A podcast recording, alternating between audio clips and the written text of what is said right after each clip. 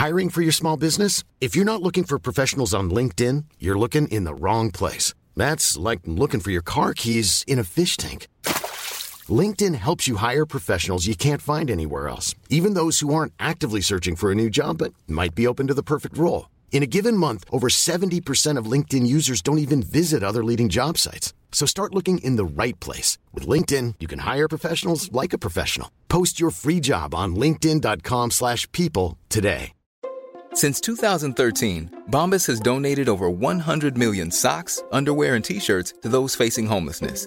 If we counted those on air, this ad would last over 1,157 days. But if we counted the time it takes to make a donation possible, it would take just a few clicks. Because every time you make a purchase, Bombas donates an item to someone who needs it.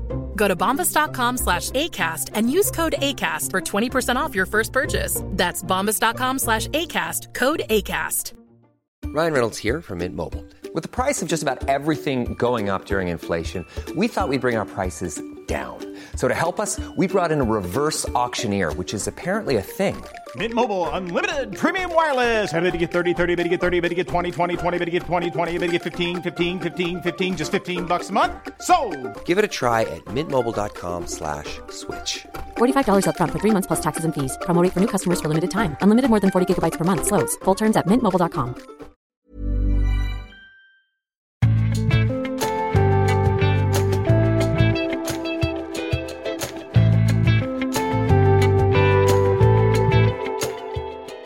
denne ukens episode av Tore og Tarjei skal Tore Hjalmar Sævik og meg sjøl, Tarjei Gilje, begå den kjente øvelsen å se fremover ved å se bakover. Vi skal se på Anno Domini 2023, og du som er skolert i klassiske språk, Tore Hjalmar, du vet at det betyr? Nei, det betyr herrens år. Men, men jeg sier som en, en, en eh, prest jeg eh, kjenner som dessverre ikke blant oss lenger, at eh, jeg kan så lite gresk og latin at jeg har veldig behov for å vise det jeg kan.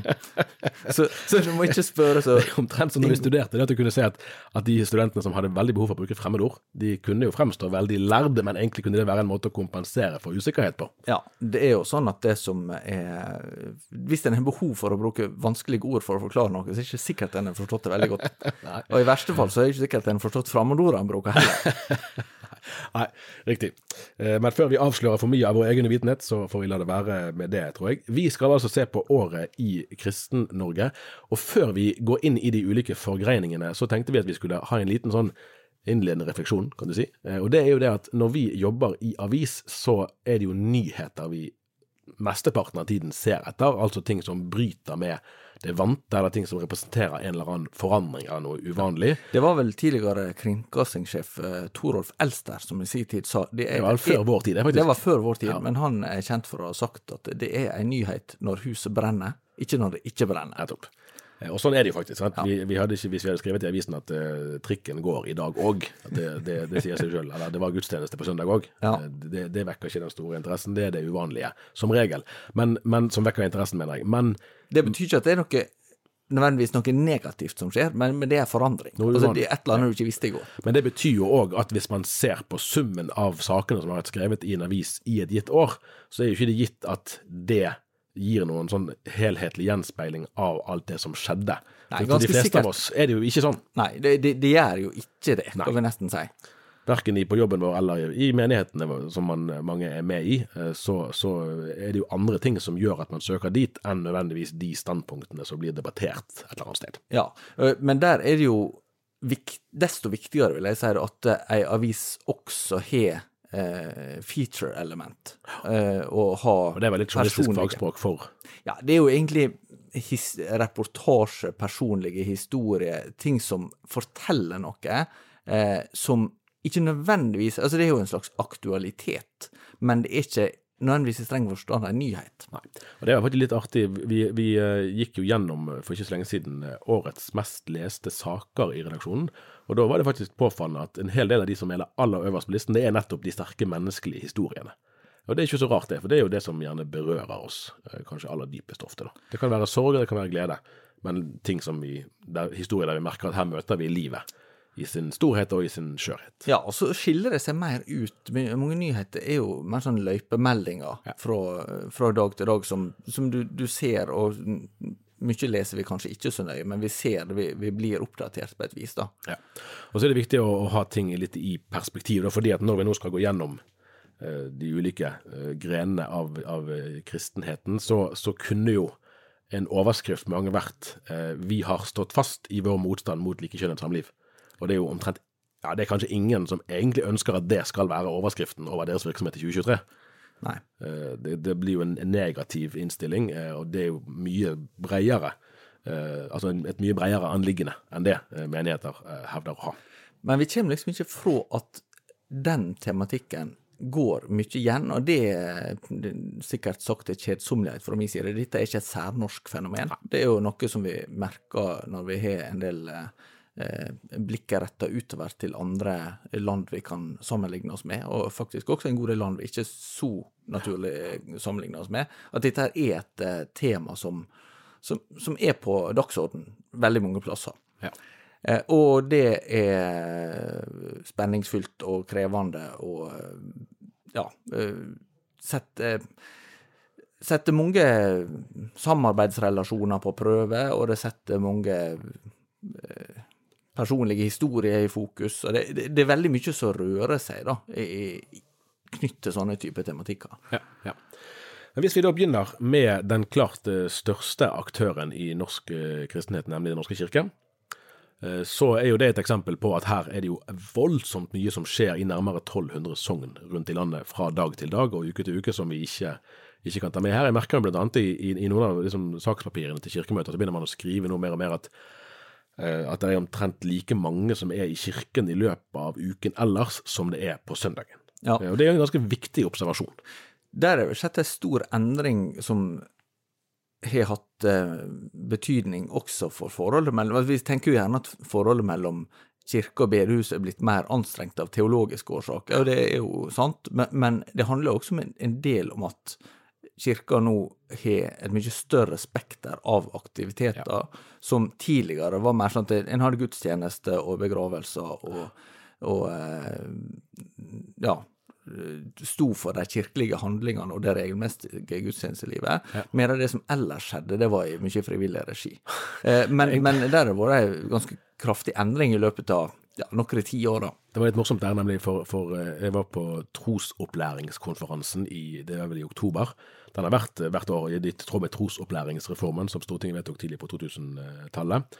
Eh, Og da plutselig så var det, var det en av de som jobber i Den norske kirkemenigheten rett over veien for der jeg bor, som var der og skulle fortelle om nettopp en sånn familiemiddag. Og jeg tror det var sånn et par hundre mennesker som gjerne da var i kirken den, en torsdag i måneden, eller hva det er.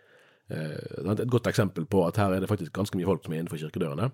Og slett ikke alle sammen som er like nærliggende å komme der på gudstjenesten på søndag, men de er faktisk i kirken på ulike kirkelige arrangementer. Sånn at eh, ja, det som skjer der er mye bredere da, enn akkurat, eh, akkurat mellom 11 og halv ett, eller hva det er, på, på søndag formiddag. Eh, Så det er viktig å, viktig å huske på. Eh, Det er ikke, Mesteparten av dette blir jo ikke omtalt i nyhetsartikler. Nei. Og eh, der er det jo også et lett for oss til og med, altså til og med, det er viktig å være selvkritisk, vi er Ja, det også, det også er mennesker med høyst eh, oss. menneskelige begrensninger, eh, selv på det vi jobber med da, mener jeg. Eh, at det kan være et slags fare for at vi går glipp av eh, det som for mange er det eh, bærende og, og viktigste i et kristent eh, fellesskapsliv. Ja. Fordi at det, det har ikke ny, nyhetsinteresse, kanskje. Det er sant. det er sant. Eh, og så er det et sånn metaperspektiv til som jeg eh, tenkte vi skal bare ha med før vi liksom går nærmere inn på enkeltheten. Ja, nå er vi for så vidt begynt på Norske kirke, men, men likevel, eh, i kontrast til det, at det er jo eh, Det er ikke alt som eh, er innordnet i kirkesamfunn. Vi, vi har eh, kristne TV-kanaler og mer frittstående initiativer som òg fungerer som et sånt samlingssted. Eh, Men det er ikke alltid like lett å plassere de som ser på en gitt TV-kanal. Der er jo fire eller fem vel, som er i omløp i Norge nå. Eh, De lar, det er ikke kun bedehusfolk som ser på det, og kun pinsevenner som ser på det. Det, det er spredt utover. Så Det gjør jo òg at, at feltet her kan være litt mer utfordrende å analysere. Men Ja, og, og jeg tror i mindre grad enn tidligere så kan du eh, organisere Kristen-Norge i eh, kategorier. Ja. Altså der folk tenker, altså Hvis folk er med i Misjonssambandet, så er det omtrent sånn. ja. Altså, Der er jo visse fellestrekk, naturligvis, men, men jeg tror at det er mer porøse grenser. Det er det ene, men det er også in, in, innflytelse fra mange forskjellige sammenhenger på en helt annen måte enn en før. da. Så det er, det, er et, det er et spennende og litt uoversiktlig landskap. Det er det. Eh, når det gjelder altså folkekirken, så er det tre bispeutnevnelser. Vi har jo elleve bispedømmer og tolv biskoper fordi at preses er en slags sånn overordnet eh, biskop, i tillegg til at han har biskopelig tilsyn med domprostiet i Nidaros, eller i Trondheim. Men ellers er det altså elleve eh, bispedømmer. Ole Kristian Bonden ble biskop i Hamar 29. januar. Han var med å starte Åpen folkekirke i sin tid, sånn at hans profilering er, er tydelig eh, sånn sett. Ragnhild Jepsen ble innsatt, eh, eller vigslet, her i Bjørgvin den 16. april. Eh, og hun, eh, hun representerte jo, kan vi vel si, et, et brudd med det som har vært før, av at, altså, tanken om Bjørgvin som et forholdsvis konservativt eh, bispedømme. Hun hadde jo òg en mer eh, kan du si, folkekirkelig eh, profil enn det som har vært eh, type. Hun hadde fast en veldig god vits, husker du det? Ja, den, Jeg tror jeg har eh, fortalt den her før. Ja, det Det var kledelig å være sjølironisk for en bergenser, så du kan fortelle den en gang til. Ja, for dette var ikke, ikke i april, men det var når hun ble presentert. Det var vel i januar, tror jeg. Så, for hun, hun er jo fra Hallingdal, men hun har, hun har vært domprost i Nidaros eh, før hun kom eh, til Bergen. Så da har hun vært sammen med domprostene kvelden før, og da var det trønderen og bergenseren som hadde møttes. Og så var det bergenseren som selvtilfreds sa at jeg er født i Bergen og jeg bor i Bergen og jeg skal dø i Bergen. Og så var det trønderen som så på han forsiktig og sa men ja, har du ikke noen ambisjoner? Ja, det ble munterhet i salen. Ja. det. Så det var bra. Eh, Så ble Svein Valle biskop i Sør-Hålogaland. Er, er det Nordland helt strikt der, rett og slett? Ja. Som er bispedømmegrensene. Det var 19. november. Eh, og han eh, Et av trekkene som jeg tror vi kommer til å se mer av, det er og Der er kanskje han en, en, et eksempel på det. For det er en som rett og slett har oppvokst i Altså, han, han tilhørte ungdomsmiljøet i domkirken i Bodø da han var yngre, eh, og har, så langt jeg vet i hvert fall, i mindre grad eh, berøring med, med bedehus og frikirkelighet fra tidligere. Og det, vi har, Når vi har reist litt rundt i Norge, så har vi, vi har vel møtt jeg husker ikke helt tallet, men en god del av biskopene. Og saken er jo at av de som sitter nå, så har de aller fleste en eller annen form for bakgrunn fra frikirke eller bedehus, kanskje særlig bedehus. Sånn at de har med seg måte, et språk og en tenkning derfra som de gjerne har, har beveget seg et stykke unna, men der de likevel kjenner sjargongen og vet måte, en del om, om hva som har særpreget de miljøene. Den neste generasjon biskoper har ikke nødvendigvis den bakgrunnen, og det kan kanskje gjøre forskjellen enda større i, i en del uttrykksmåter og tilnærminger til kristeligheten. Ja, det, det tror jeg er et, eh, en god observasjon, som egentlig eh, vi ikke helt eh, veit hvordan den, den vil slå ut, da. Eh, For, for det er vel en slags dobbel eh, utvikling at på ene sida så blir da kirka mer framande for en del eh, av det lavkirkelige og frikirkelige. Men det er jo også sånn at mange av de som nå er vokst opp i det lavkirkelige og frikirkelige, ikke har hatt noen kirkelig bakgrunn som en tidligere eh, gjerne har hatt, med at en er blitt døpt ja, og er konfirmert osv. Eh, sånn at det er også et trekk som gjør at det, jeg tror kanskje at en, en i større grad vil kjenne hverandre mindre, da. Ja. Det er nok dessverre, eh, vil jeg si. eh, sant. To ting eh, vi tenkte vi skulle nevne av hendelser og liksom sånne utviklingsprosesser. Det var jo kirkevalg i høst. Der ble vel liksom styrkeforholdene i stort egentlig ikke så veldig forandret. Det gjenstår jo liksom å se for alvor når, når det nye kirkemøtet skal etableres til våren. Eh, Men det er Åpen folkekirke som, som liksom har den sterkeste eh, Det var, jo f.eks. en endring i Stavanger, og som også har vært sånn tradisjonelt ja, Det er jo misjonsbispedømmet i Den norske Ja, ja. kirke som har hatt konservativt flertall i bispedømmerådet. Ja, men det var jo helt Det var jo egentlig lederens dobbeltstemme nesten som, som avgjorde, så det var liksom altså, knapt som mulig. Og nå er det, nå er det snudd, da. Eh, Så, så ja, det, det, skjer, eh, det skjer sånne skifter. Men det som jeg ville nevne, det var at eh, i vår så ble det kjent at Den norske kirke hadde planlagt en, en gudstjeneste der man skulle be om unnskyldning for kirkens behandling av skeive. Og Det er jo en sånn typisk samvittighetskonflikt, der, for det er jo nok en hel del ting som òg langt inn, tror jeg, i frikirkelighet og bedehusland, der man i dag vil si at ja, her brukte vi nok ord som var unødvendig harde, eller til og med som vi ikke egentlig kan stå for. Så ja, vi har òg vårt å be om unnskyldning for, men så spørs det jo hvor langt eh, skal unnskyldningen strekke seg. For én ting er å beklage uheldig ordbruk, noe annet er å og eventuelt skulle be om unnskyldning for selve læren, selve teologien, og det vil jo åpenbart ikke alle kunne være med på. Nei, og, og her er jo det interessant at uh, den uh, gudstjenesten som jeg hadde vel inntrykk av at en så for seg skulle være ganske sånn gjennomførbar sak, da, ut fra de eh, vedtakene som er gjort på, på kirkemøtet i 2016 og 2017 da, om eh, vigsel av eh, likekjønna par, at det eh, måtte Sånn som det blir sett fra den siden som har kjempa for den endringa, at nå er det på en måte vunnet fram. Men det som viser seg, er at eh, det er ikke slik det blir oppfatta. Nei, altså det så jo ut for at det som at nå, er, nå er ikke det, det er ikke avlyst, men det er uklart når det blir. Dette skrev vi om i, i november nå i, tidligere i år. At, uh, at den, de som har, har ivret for, for, endringen av vikstidsliturgien, opplever det vanskelig at man nærmest kan be om unnskyldning med den ene hånden, samtidig som man med den andre hånden opprettholder uh, skaden. da, Ved at man jo har anledning til å være prest i Norske kirke og ikke ville vie likekjønnede, at det gjør at det uthuler kraften i, i unnskyldningen. Og klart at hvis, hvis det er, et kriterium for, for, en sånn unnskyldning, så er det jo veldig mange som eh, ikke vil kunne være med på det. Nei, og, og det eh, vil jo da i så fall eh, gå rett imot premissene for det vedtaket som ble gjort nettopp, i, nettopp. i 2016 og 2017, ja. at den, den, norske kirke har to syn. For det, det er en egentlig eh, sier at skal det være sånn uh, unnskyldning, så skal, skal en ha bare ett syn. Eh, så det får vi bare se i 2024 om det blir, eh, om det blir en sånn gudstjeneste. Det kan jo godt være at det blir det, og planen eh, står jo der. Men da, da må det bli en eller annen omforent løsning. Men det illustrerer vel at, at dette her med å, å, få dette til å leve side om side, har vel vist seg i praksis at det, er, det, er, ganske utfordrende, da, ja. i lengda. Helt klart. Neste punkt. Eh, det er for så vidt litt i samme landskap, men ikke helt. Eh, men det handler om seksualitet, det her òg. Og det var det at i høst så kom nettsiden identitet og seksualitet.no. Eh, undervisningsmateriell. Nordmisjon, Misjonssambandet, Indremisjonen, Tro og Medier, Laget og Ungdom i oppdrag står bak. Og Det handler ikke mest om, om homofili, men mest om både kristen seksualmoral i, i vid forstand.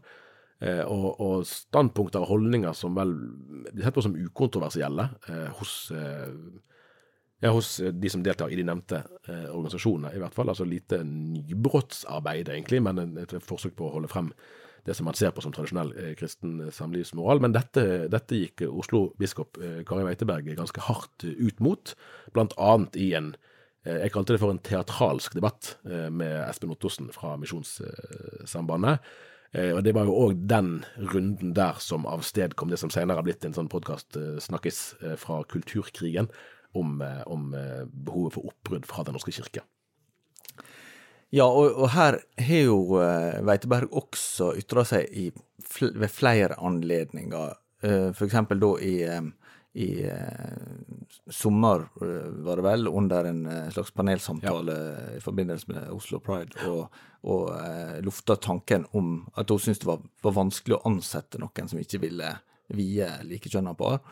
Eh, og, og, det er jo eh, noe kanskje av bakgrunnen her for, for hennes fortolkning av dette, er jo å ha et tradisjonelt syn, er eh, problematisk ut fra hennes teologisk forståelse.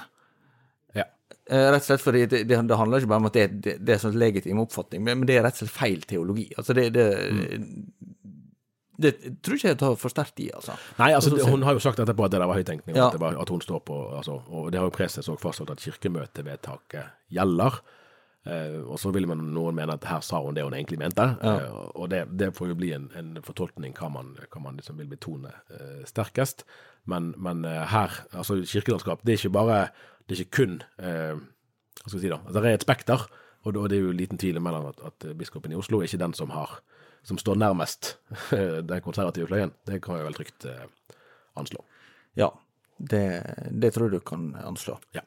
Da tror jeg vi beveger oss videre til neste forgreining. og Da, da fortsetter vi jo på en måte i forlengelsen av Den norske kirke, på den måten at bedehusbevegelsen har jo gjennom hele sin historie ikke eh, valgt noe brudd på en måte kan man jo si at vi er nærmere det nå enn noen gang, men enn så lenge så er det jo ennå ingen som har tatt til orde for noe generelt brudd med Den norske kirke. Men bedehusene eh, opererer sånn at de i praksis ligner mer og mer på, på eh, altså kirker eh, på egen kjøl. Ja, det, det er jo verdt å, å minne om da at det er ikke mer enn en generasjon siden at eh, altså Seint på, på 90-tallet så ble de første barna døpt uh, offisielt i bedehussammenheng, og det var, det var ganske omdiskutert på den tida. Sånn at det, når det nå er blitt litt sånn selvsagt at en har gudstjeneste på bedehus og er dåp, og, og en del plasser har jo det med nattverd og tradisjon lenge, men, men det at eh, bedehusbevegelsen har antatt mer eh, frikirkelige trekk, da, det er jo egentlig noe relativt nytt. Ja. Og Der var det jo interessant, for en av de tingene som har skjedd i år, som, som er i hvert fall et sånn merkepunkt, er jo at Misjonssambandets eh, da nye generalsekretær Gunnar Bråten tiltrådte 1.6, åremål på seks år i første omgang. Eh, og han, Der er jo litt sånn, nesten sånn artig eh, forhistorie med at hans to forgjengere, Ola Tulloan og Øyvind Aasland, eh, begge to meldte seg ut av Den norske kirke i protest mot eh, den teologiske utviklingen der, mens han kom rett inn i jobben som generalsekretær fra å ha vært prost og faktisk òg fungerende biskop i Den norske kirke.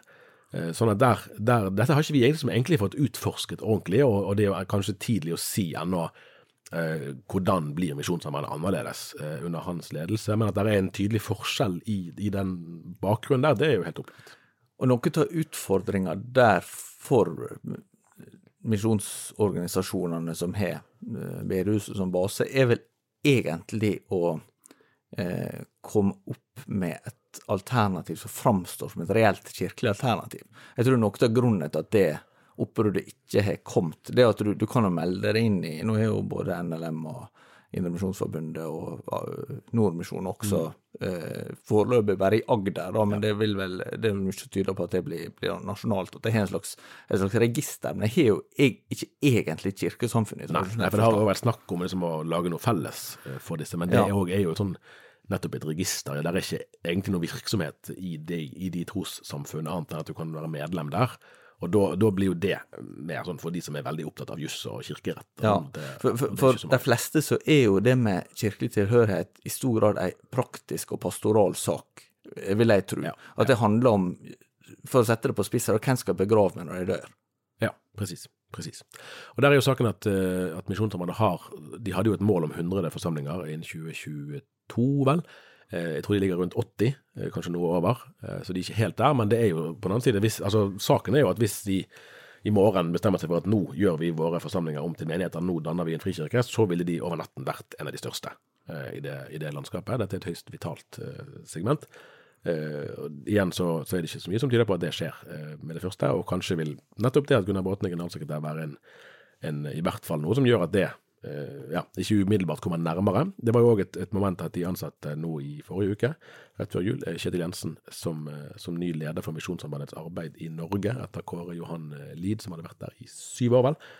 Eh, og, og hans største utfordring, tror jeg, eh, kan bli dette. Altså hvordan skal man egentlig profilere seg? Eh, for det at hvis man sier at vi, nå er vi kirke, nå er ikke vi på en måte kun et tillegg, da følger du med. F.eks. begraves litt liturgi, og du får med deg en del andre problemstillinger. Og, en ting er jo at man kan være enig i samlivsetikken og de typiske stridsspørsmålene, men så vet jo alle som går i kirken at det er mange andre spørsmål òg.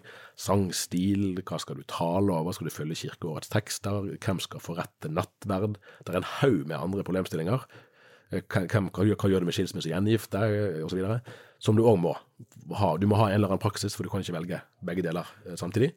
Eh, Men det, det har man ikke nødvendigvis måttet ta stilling til eh, tidligere. Det må man gjøre mer og mer. Ja, og, og så er det jo en tilleggsutfordring, tror jeg, at eh, en eh, står jo overfor et eh, et befolknings... Eh, et utviklingstrekk i befolkningen sier at vi blir mer individualistiske, men eh, det kan for noen også nesten en teologisk begrunnelse. Jeg, snakka med en, med en, en svenske som, som uh, jobber i kristen sammenheng i Norge, da, og sa at det, det virker nesten som å på bedehuset er hver enkelt sin egen biskop. eh, og og litt, av, litt av poenget er vel mer at det å etablere autoritet som et Altså, alle strukturer må jo på en eller annen måte ha en slags styringsfunksjon, da, for, for at du velger å være med i Det er det samme om det er et, om det er et politisk parti eller en interesseorganisasjon, men enda mer kirke, da, så, så, går du faktisk inn i noe som, som har en slags felles bekjennelse og en felles profil og målsettinger og sånn. Og for ei kirke så, så, er jo det egentlig veldig store spørsmål, da, og det må jo komme til uttrykk, på en måte.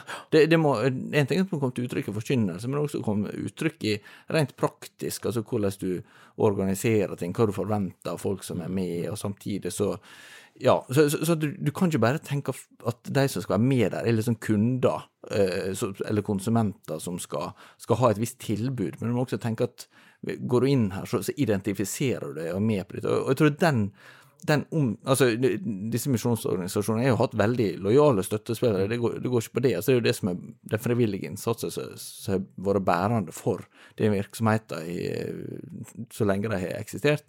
Men det er et eller annet med at når du skal være eh, kirke for hele livet, og ikke bare for ei, et engasjement retta mot misjon, mm. så, så, så, går det på så mye mer, eh, og det, det, vil også med nødvendighet bli flere medlemmer som kanskje er litt sånn perifere, eh, som du ikke kan si ja, han er ikke med i Misjonsforeningen lenger. Nei vel, men, men vedkommende er døpt og er medlem her, og er liksom, har ikke tilknytning til noe annet kirkesamfunn. Så, så, du vil alltid få en annen eh, andre utfordringer, andre oppgaver knytt til det å ta et helhetlig ansvar. Og du vil også måtte ha forkynnelse og veiledning som omfatter mer av livet, da, tror jeg. Og, og dette her er jo sånn sak som jeg egentlig undrer meg over at ikke er mer eh, mm. skrevet og sagt om i, eh, i disse sammenhengene. Ja.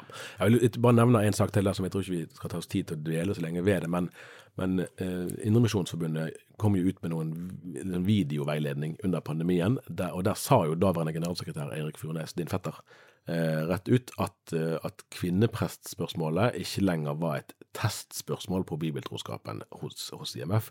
Eh, og det hadde det jo vært for 20 år siden, 30 år siden. Eh, og Bibelen er ikke skrevet om, så det er fortolkningen som er annerledes.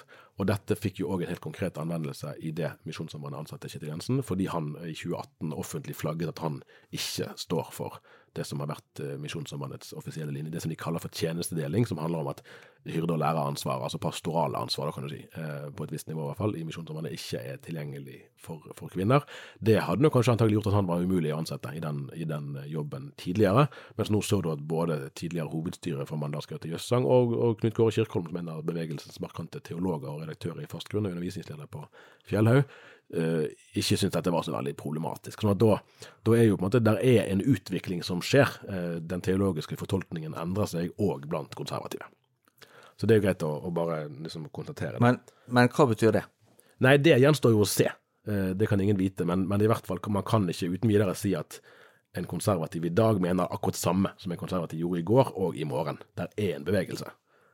og så er ikke sånn at alle spørsmål dermed er i spill, men, men det er ikke sånn at Eh, ja, at, at, det er, at, det er, at, det er, helt likt over tid. Eh, og det gjør at man kanskje med fordel kan være litt varsom i eh, ordbruk da, når man skal karakterisere andres standpunkter.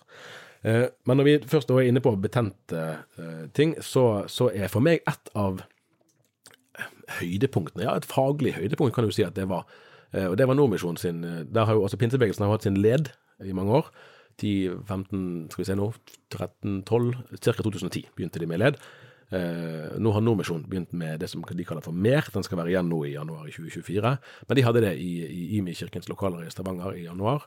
Eh, og jeg lurer på om jeg kanskje aldri har, har sett på en måte noen norsk kristenleder med ganske stort ansvar eh, stå på talerstolen og være så eh, ufiltrert, kan vi si det, som generalsekretær Kjetil Vestel Haga var der. Da hadde han de aktuelle bibeltekstene både fra Det gamle og Nytestamentet, svære bokstaver, lett å ta bilde av, eh, bak seg på scenen, og forklarte her er Nordmisjon sitt ståsted i, i synet på samlivsetikk. Og det var, han sa det vel sånn at eh, hvis du kun vil lese Bibelen, eh, så er dette ganske lett. Hvis du kun vil forholde deg til mennesker, så er det òg ganske lett. Altså motsatt, da. Altså, du, du, hvis du vil gjøre begge deler, da er det krevende. Men det var der de ville være. Jeg har knapt Altså, dette er jo det emnet som mange det er veldig viktig for konservative kristne å, profil, å vite på en måte at man er der man er forventet å skulle være. men man vil egentlig ikke snakke så mye om det fordi det er så mye følelser og så vanskelig. Her gikk man rett inn i løvens hule eh, og snakket veldig tydelig og klart, eh, faktisk, om, om teologien. Hvordan oppfattet oppfatter du at det blir tatt imot blant de som var der? Jeg kan ikke uttale meg altfor generelt om det. eh, dette, og dette var jo òg de ansatte og frivillige ledere i organisasjonen, så det var neppe grunn til å forvente noen store protester. Men det var, der er indre uenighet. Det er ikke alle som syns det der var helt topp. Eh, Men jevnt over tror nok de fleste er glade for at, at ledelsen toner flagg og viser at det er faktisk dette vi står for. Ja, for du skrev jo også en kommentar nå senere i år, på bakgrunn ikke bare av det, men også på grunn- bakgrunn av eh, eh, utviklinga i baptistsamfunnet og i Frikirka, der du sier at eh, du er ikke så sikker på at Kristen-Norge, altså de miljøene, da, blir mer liberale. Ja, altså eh, Ingen kan jo vite hva som skjer eh, i, i fremtiden, eh, men, men ut fra de utviklingstrekkene vi kan se nå, så, så er jo inntrykket at et konservativt standpunkt i samlivsetikken faktisk står veldig sterkt i nesten alle disse sammenhengene. Nå, nå sa vi, bare for å liksom holde systematikken vår litt i orden, at dette var Nordmisjon. Eh, når det gjelder Vi kan bare holde den, så skal vi komme tilbake til, til eh, litt mer om det i Frikirkeligheten straks. Eh, Jeg vil bare nevne først òg at Indremisjonsforbundet, der, der fikk de nye daglige ledere, egentlig, i Runa Landro og Anja Ulveseth Heggen fra mars i 2023, etter at Erik Furnes eh, gikk av. Der har det jo ikke vært eh, noen sånn her type saker som vi har snakket om nå. Eh, dette er første gangen at lederen ikke kaller seg generalsekretær. Det er kanskje mest sånn språkforskjell. Jeg tror ikke det har noe veldig mye å si for, for uh, altså, uh, arbeidets innretning. De, de er jo to ledere, men det har det jo vært. Altså, hun, Heggen har jo vært sentral òg og tidligere. Eh, De har jo den saken med Sjøholt folkehøgskole som har pådratt de betydelige eh, finansielle, eh, økonomiske eh, utfordringer, og det, det er for så vidt uløst på den måten at det er store utgifter som de strever med å håndtere, og som gjør at de kanskje må selge unna eh, andre eiendommer. Og så har de sine indre Der er jo en sånn regionreform på gang, som det er ikke helt sikkert hvordan det blir. Eh, Men det har vel vært sånn i stor helhet et, et jevnt driftsår, men da med en sånn mørke økonomiske skyer som hviler over, over eh, organisasjonen der. Eh, og så ja, jeg lurer på, Enten under frikirkelighet eller under bedehus, så må vi, og vi må bare, kanskje vi skal ta det nå, mens, eh, altså, sånn at vi ikke bare snakker om kontroverser. Men for, for, for særlig i vår og litt utpå høsten, så skrev jo mange saker om vekkelsen på Vigeland. Ja, det var Et, den en sånn, sånn fascinerende, helt uventet, altså et lite bedehus der det var få folk. Eh, Så plutselig begynte det å strømme på, og de måtte flytte til ett lokale, og så til ett lokale, og så endte de opp i, i den lokale idrettshallen med sånn 1500 mennesker i salen, og det var vel, etter hvert var det vel månedlige møter, så vidt jeg, månedlige møtehelger. Og en kar som het Arthur Robertsen, som vel de færreste av i hvert fall dagens lesere hadde hørt om eh, før, ble en sentral skikkelse i, i, denne, i denne vekkelsen, og folk kom tilreisende fra et godt stykke unna eh, som, for å liksom ta del i, i fellesskapet og inspirasjonen som, som eh, kom der. sånn at det er litt sånn vanskelig å plassere, for det var en musikkstil som på ingen Det var ikke Hillsong, for å si det forsiktig, som preget eh, liksom ja, stilen der. Det var mye mer tradisjonell sang og musikk, så kanskje noe lokalt preg på det. Men fascinerende likevel. Dette er sånn som man kanskje ikke, ikke trodde kunne skje lenger i Norge. Nei, altså, jeg tenkte på det i forbindelse med at jeg husker jeg Nå skal, jeg ikke drive og dra altfor mange sånne historiske linjer, jeg har lært, men, men jeg husker liksom at den, de siste vekkelsene som jeg kan huske har fått nasjonal oppmerksomhet, det var vel eh, på Konsmo i Agder sent på 90-tallet, og så på Karmøya sånn omtrent samtidig. Og så skjer det jo fra tid til annen at det er sånn eh, eh, det, det blir jo gjerne brukt sånne, sånne værmetaforer, da, om at det, det er øh, milde vinder, eller at det, det er liksom øh, ja, andre strømdrag, eller øh, hva skal, ordet skal bruke, men at det er en slags oppvåkning, da. Eh, og, og det kan jo, kan jo skje sånn i, i mindre skala, men uten at det nødvendigvis blir, eh, blir nasjonale nyheter av det. Men her var det litt spesielt. Det var jo også en eh, reporter fra NRK som, dukka opp der. Ja. eh, og var fascinert av det som skjedde. Så, så det, nei, det, det er egentlig et veldig interessant fenomen. Nå virker det sånn, sånn som du sier, kulturelt, at det, det er jo i et landskap der det kanskje er et slags grunnlag for den, altså den eh, musikken og den, den møteformen, at det vil være mange som, som har en erfaring eller en bakgrunn som tilsier at dette ikke er liksom fullstendig eksotisk, da. Men at, at det, det er det noe de kan kjenne seg igjen i. Ja, ja. Så er det altså norsk frikirkelighet i siste bolk her. Og da sånn nyhetsmessig så er det jo ikke noe tvil om at det er samlivsetikken som har vært eh, det som har, har vært mest, eh, mest eh, omtalt. Eh, Fra pinsebevegelsen, det største protestantiske frikirkesamfunnet i Norge, så var det jo annet at fredsprisvinner og nå presidentkandidat i Kongo, Dennis Mukwege, var på, på konferansen. Der var det ikke noe snakk om samlivsetikk fra talerstolen, og det var liksom påfallende for disse to Nordmisjonskonferansene og led fant sted samme helg. Det gjør de òg nå i 2024. Der var kontrasten tydelig.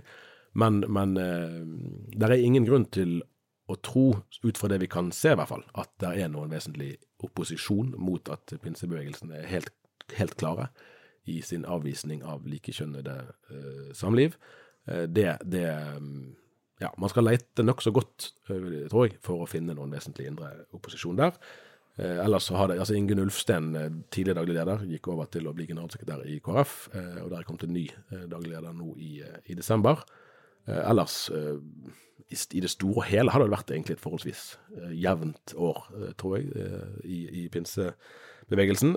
Metodistkirken er jo liksom den litt sånn uortodokse, eller uregelmessige verbet i dette landskapet. For der har det vært en, de står jo nærmt Den norske kirke på flere måter, men òg i synet på samliv.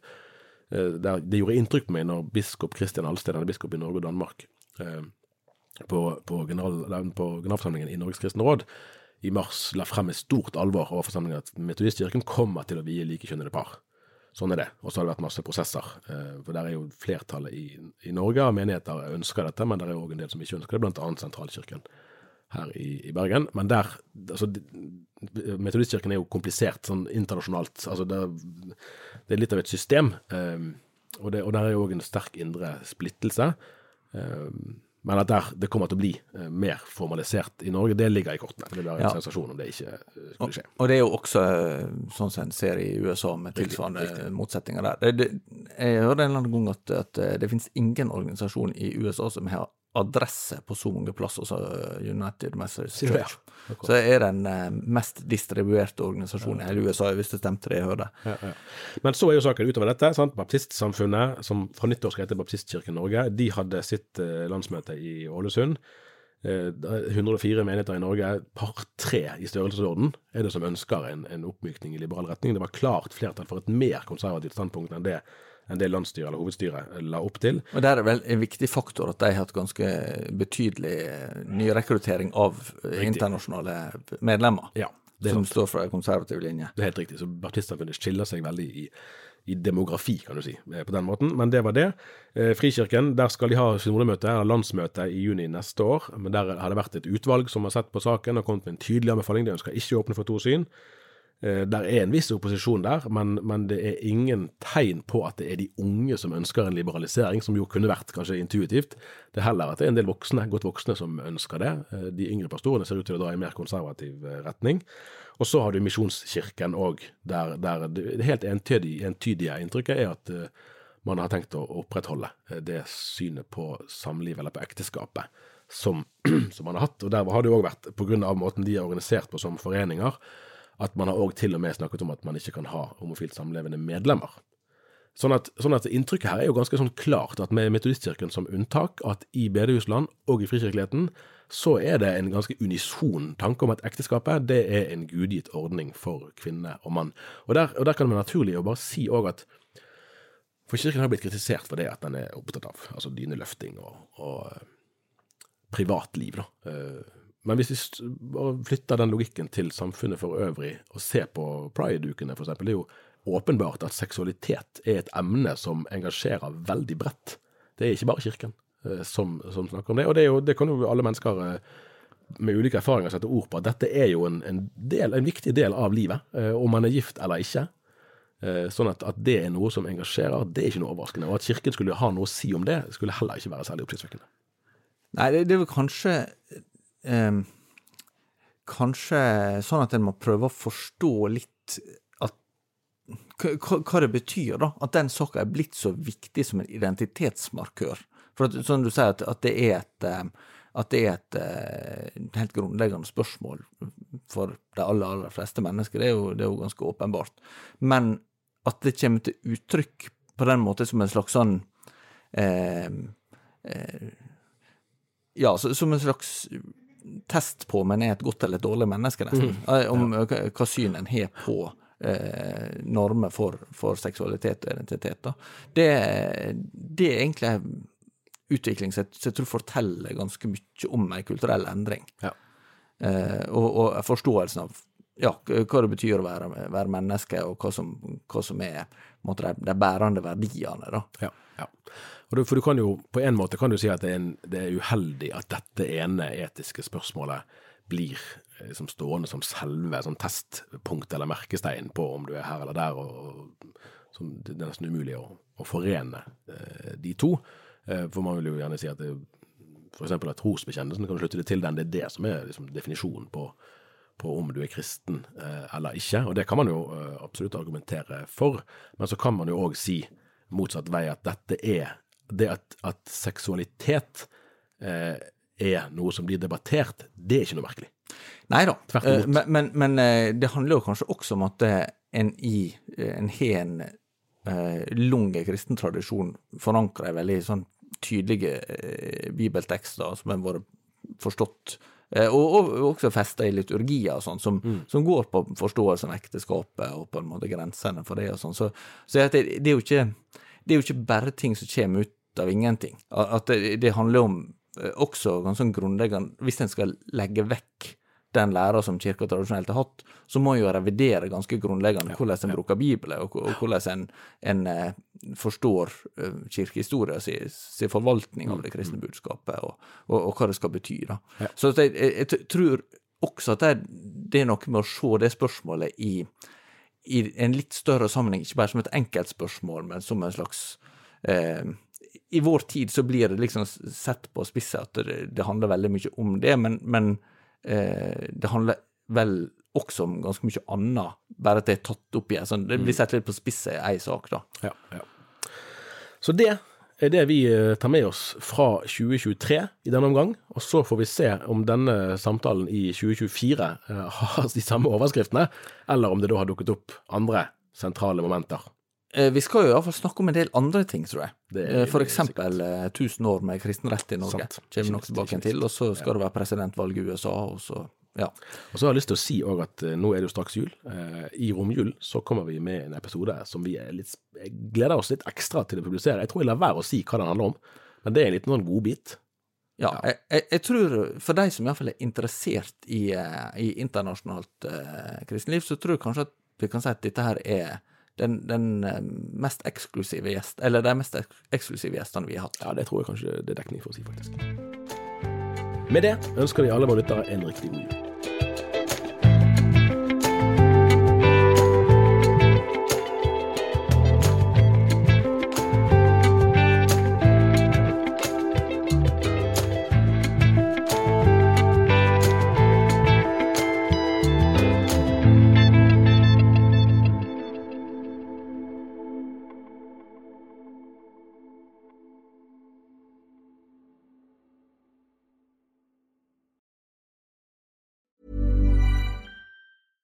Selling a little or a lot?